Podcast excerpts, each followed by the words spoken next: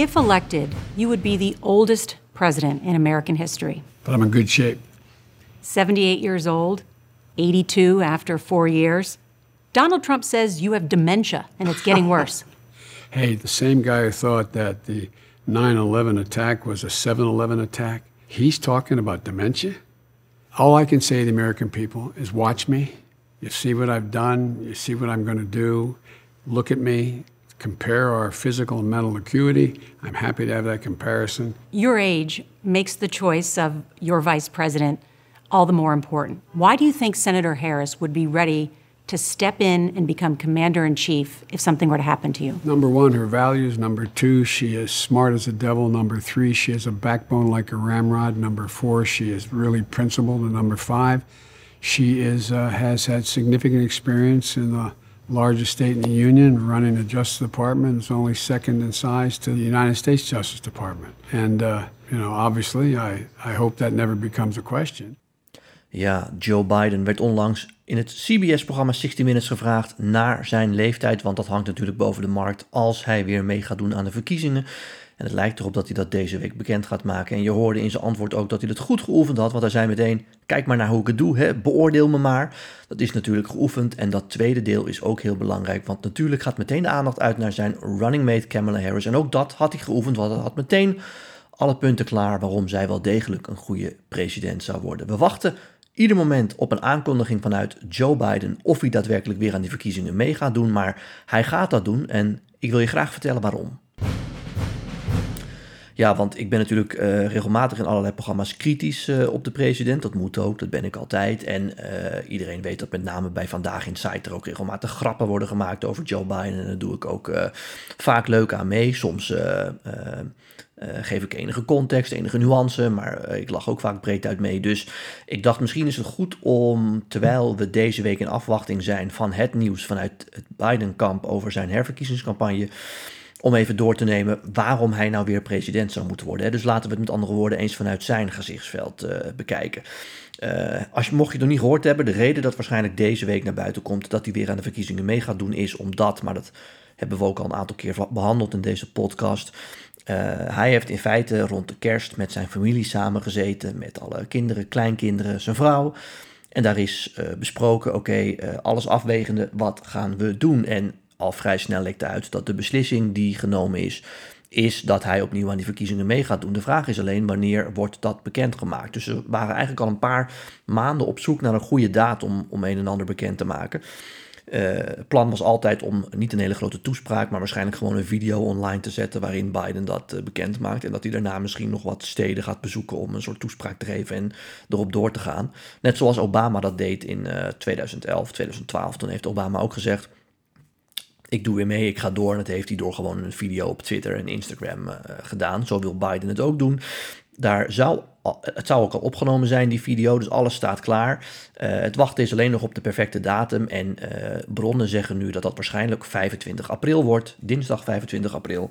Want dan is het precies zes jaar nadat Joe Biden zei dat hij aan de verkiezingen van 2020 mee ging doen. Dus dan is dat precies uh, een aantal jaar later. En uh, daarom gaat hij waarschijnlijk bekendmaken dat hij weer aan de verkiezingen mee gaat doen. Of zoals ik het op Twitter ook zei, het is de dag die je wist dat zou komen. Maar goed, nogmaals, ik ben regelmatig kritisch. Dus misschien laten we het gewoon even vanuit uit hem bespreken. Waarom wil hij meedoen? Nou ja, als ik lezingen geef, dan zeg ik ook altijd: er zijn drie redenen waarom de president doorgaat of door wil gaan.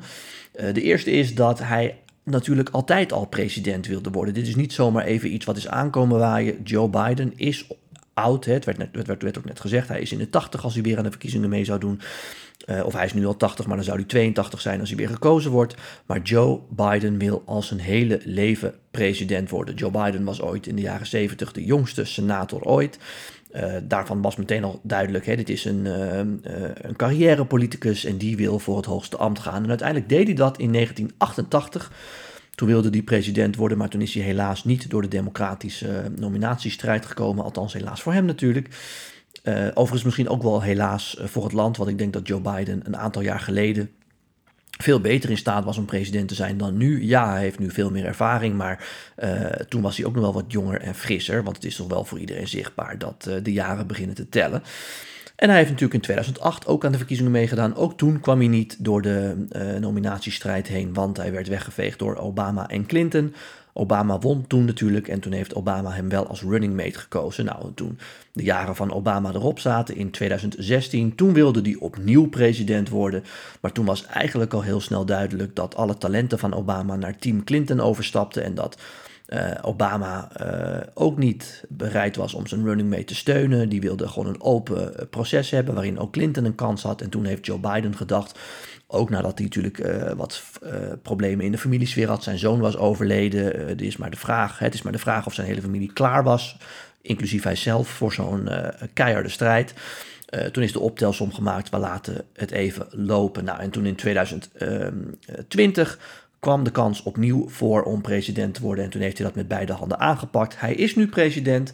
Nogmaals, dit is zijn levenswerk. Uh, ja, dan staat hij natuurlijk niet in de badkamer van het Witte Huis in de spiegel te kijken en denkt hij bij zichzelf: laat ik de handdoek maar in de ring gooien. Nee, dan gaat hij ook door tot het bittere end. Tweede reden dat hij door wil gaan is dat hij ook kan zeggen, dat zal hij zelf vinden, maar dat vinden veel partijgenoten ook ik heb veel bereikt. Ik heb ontzettend veel gedaan. Ik heb uh, met de Republikeinen samengewerkt op tal van terreinen. Hè. Het homohuwelijk in de wet vastgelegd. Bang dat het Hoge Rechtshof dat misschien ook terug zou draaien, net als abortus. Hij heeft eindelijk uh, meer dan een triljard dollar geïnvesteerd in infrastructuur. Opnieuw samen met de Republikeinen. Was ook hard nodig trouwens veel investeringen in groene energie. Hè, de Chips Act ook, dat die uh, wil investeren in allerlei nieuwe technologieën. En ook China, uh, de, de, concurrentie met China aan wil gaan op dat punt. China weg wil spelen. Hij heeft de NAVO nieuw leven ingeblazen. Sterker nog, we hebben twee nieuwe leden erbij. De NAVO is ook als één front uh, opgetreden in die oorlog uh, in Oekraïne en doet dat tot op de dag van vandaag nog steeds. Onder andere te danken aan het leiderschap van Joe Biden. En uh, het is misschien wat chaotisch gegaan, maar hij heeft eindelijk de oorlog in Afghanistan beëindigd. althans, de Amerikaanse aanwezigheid daar heeft hij beëindigd. En ja, dat is niet helemaal goed gegaan, die terugtrekking. Maar breed is er steun voor het feit dat na zoveel jaar daar een einde aan moest komen. En misschien wel het belangrijkste, uh, ik zeg net een aantal keer, hij heeft met de Republikeinen samengewerkt. Hij heeft ook de temperatuur in Washington verlaagd. Hij heeft altijd gezegd, laten we de temperatuur een beetje verlagen, op een rustige manier weer met elkaar gaan werken, met elkaar het gesprek aangaan. Uh, en hij heeft ook gezegd, de vorige president, president Trump, ja, daar kon je eigenlijk iedere uur op Twitter van zien wat hij allemaal aan het doen was. Dan had hij weer ruzie met die, dan tweette hij weer over dat. Uh, ik ga gewoon, uh, de grown-ups gaan weer aan het werk. Ik ga gewoon als staatsman aan het werken zijn. Er zullen ook dagen zijn dat je niets van mij hoort. We gaan gewoon die drama uit Washington verjagen en we gaan op een normale, rustige weer met elkaar werken zoals dat hoort. En ook dat heeft hij de afgelopen jaren bereikt. Dus Biden zou zeggen, ik heb ontzettend veel bereikt. Ik heb woord gehouden op tal van uh, punten. Heb ik dingen beloofd, die heb ik ook waargemaakt. Uh, er komen weer wetten door het congres, zelfs in samenwerking met de Republikeinen. Ja, uh, what's not to like? Hè? Ik moet gewoon doorgaan. Nou, de naam viel net even al Trump. Dat is de derde reden waarom Biden door zou gaan. Uh, het verhaal van Biden is natuurlijk altijd: ja, ik wilde graag president worden, meerdere keren geprobeerd. Ik zei het net, 1988, 2008 en ook in 2016 wilde hij het proberen. Uiteindelijk is het niet gelukt.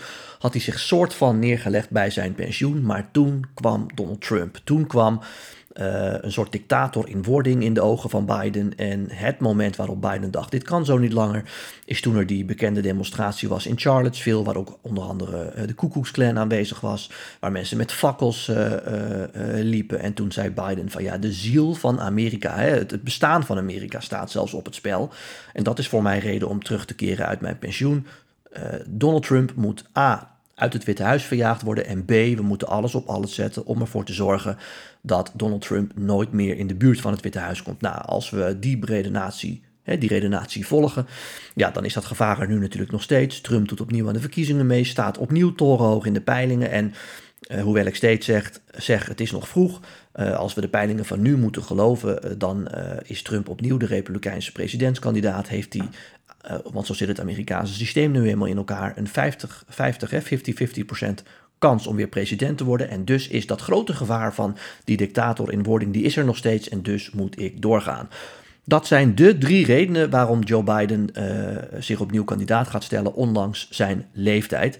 Er komt nog een vierde bij en dat is een toevalstreffer, namelijk er staat ook niet binnen die partij 1, 2, 3 iemand klaar om hem op te volgen. Ook zijn running mate niet, waar heel veel kritiek op is. Vandaar ook die hè, vraag van de journalist, ja maar er komt, heel veel ogen zullen nu op haar gericht zijn. En daarom ook zijn ingestudeerde antwoord, het is een toppertje, want zie A, zie B, zie C. Dus hij is daar ook wel op voorbereid dat daar veel vragen over komen.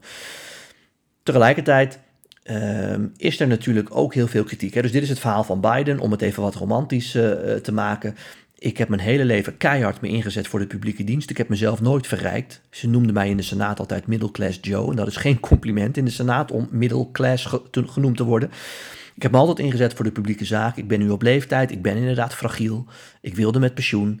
Uh, maar ik zet mij in om dit land te redden van wat ik als een groot gevaar zie, namelijk Trump en de hele beweging achter Trump. Uh, prijs mij daarvoor. Hè. Wees blij dat ik nog dit in mijn laatste levensjaren wil doen. Ik had ook gewoon in mijn vakantiehuis in uh, Delaware of in Florida kunnen rentenieren. Maar ik zet mij in voor dit land. Uh, en, en op die manier hoopt Biden daar toch heel veel sympathie voor te krijgen. En er valt natuurlijk ook wat voor te zeggen. Dat is het verhaal van Joe Biden. Nou, dan heb ik dat denk ik helder geschetst. Waarom het vanuit hem en vanuit de Democratische Partij ontzettend logisch is dat hij doorgaat. Dan moeten we natuurlijk ook even kort de kritiek uh, doornemen. Nou, de belangrijkste kritiek is natuurlijk hij is te oud. En dat is voor iedereen zichtbaar. Dat, ik bedoel, ik, ik, probeer altijd objectief te blijven. Maar objectief blijven, dat wil niet zeggen dat je de feiten moet ontkennen. En ook ik zie natuurlijk dat uh, de jaren beginnen te tellen. Zoals ik al zei, hij is heel fragiel. Hij uit zich soms een beetje moeilijk. En uh, ik moet eerlijk zeggen, die verkiezingen van 2008, ja, toen vond ik hem eigenlijk de beste presidentskandidaat. Beter dan Obama, beter dan Clinton. Hij had veel ervaring, was een hele sympathieke man, vlotte babbel. Uh, Joe Biden, niet voor niks koos Obama hem ook als running mate uiteindelijk, als vicepresident. Joe Biden ja, had toen echt alles in zich om president te worden, maar dat is helaas niet gelukt. En nu is het eigenlijk, kun je zeggen, een paar jaar te laat. Uh, en, en tellen de jaren zichtbaar. Uh, ik heb het al een paar keer gezegd. En dat is ook de belangrijkste kritiek van de Republikeinen. Hij is te oud. Uh, sterker nog, we denken dat hij dementie heeft. Nou moet ik erbij zeggen dat de Republikeinen ook wel een beetje boter op hun hoofd hebben. Want dit werd ook gezegd van de op één na oudste president in de Amerikaanse geschiedenis, Ronald Reagan. Ook daarvan uh, was wel bekend uh, in de jaren, uh, de laatste jaren van zijn presidentschap, zeg maar eind jaren tachtig, dat toch echt de klat er wel een beetje in zat en dat hij heel vaak ook bij speeches begon en dan dezelfde speech twee keer hield. Er zijn ook heel veel fragmenten van zijn vrouw, zijn vrouw Nancy die dan hem dingen influistert die hij dan zegt. Ja, dus uh, toen hebben de Republikeinen Reagan ook uh, verdedigd. Maar goed, toen was hij al in de nadagen van zijn presidentschap. Het is niet zo dat hij toen nog aan een presidentscampagne moest beginnen. Nou, verder zeggen de Republikeinen natuurlijk van ja, de economie die, die gaat wel redelijk, maar de inflatie is ontzettend hoog. En er zijn heel veel problemen met Hunter Biden, de zoon van Joe Biden. Dat werd ooit afgedaan bij de vorige verkiezingen als een soort Russische uh, propaganda, uh, onderdeel van de Russen om Joe Biden kapot te maken en zo Trump te helpen. Maar inmiddels is wel duidelijk dat er heel veel stront aan de knikker is. En de FBI zit ook in uh, de laatste fase van dienstonderzoek tegen Hunter Biden. Dus het kan best zijn dat we de komende maanden een aanklacht te zien krijgen tegen Hunter Biden. En dat gooit natuurlijk roet in het eten van eh, de familie Biden en de hele presidentscampagne. En Biden zal zeggen, hè, mijn werkzaamheden staan los van mijn zoon. Uh, maar de Republikeinen zullen terecht zeggen van, ja, dit is gewoon een probleem. En uh, moet je dit nou allemaal wel willen? Goed, tot zover heb ik denk ik zo helder mogelijk en zo uitgebreid mogelijk duidelijk proberen te maken waarom Joe Biden doorgaat. Dan vragen die zijn opgestuurd via Instagram en Twitter. De eerste is van Annelies. Hey Raymond, wanneer zit je weer bij Vandaag in Site? Nou, Annelies, ik denk uh, volgende week weer, misschien deze week. Uh, het hangt er een beetje vanaf wat er met dat nieuws van Joe Biden gebeurt. Ik denk als Biden officieel bekend maakt door te gaan, dat ik wel weer een bezoekje breng. En anders zit ik ergens anders. Ik ben later deze week even in het buitenland. Uh, en anders ben ik er volgende week natuurlijk weer. Uh, dan vraagt Frank, Raymond, ga je nog naar Obama in de Ziggo Dome? Nou Frank, ik was het eigenlijk niet van plan, want ik heb Obama een aantal keer zien spreken in Amerika zelf, in gymzalen, vlak voor verkiezingen. Ja, dat vond ik altijd erg leuk. Ehm, eh, maar ik heb dan ook het idee van ja, dat dat waren echt leuke dingen om hem daar zo te zien. En ik hoef hem niet per se in de Ziggo Dome te zien. Maar uh, mocht je Obama en de Amerikaanse politiek leuk vinden, ja, ga dan zeker. Want ja, zelden krijg je natuurlijk een kans om op zo'n toegankelijke manier een president uh, te zien. Ik moet wel zeggen, ik ben er wel bij, want er zijn bedrijven die daar ook evenementen omheen bouwen, die dan met allerlei medewerkers uh, naar Trump of naar Obama, moet ik zeggen, sorry, gaan kijken. En ik ben ook gevraagd om te komen spreken. Dus ik ben dan ook wel in de Ziggo Dome. Dus ja, dan kom ik misschien toch ook even kijken. Goed, tot zover. Heb je nou nog vragen over Biden, over 2024 of over Trump of over heel veel andere dingen? Stuur die dan in, kan via Twitter, LinkedIn en Instagram. En dan beantwoord ik die weer in een volgende podcast. Tot zover, tot dan.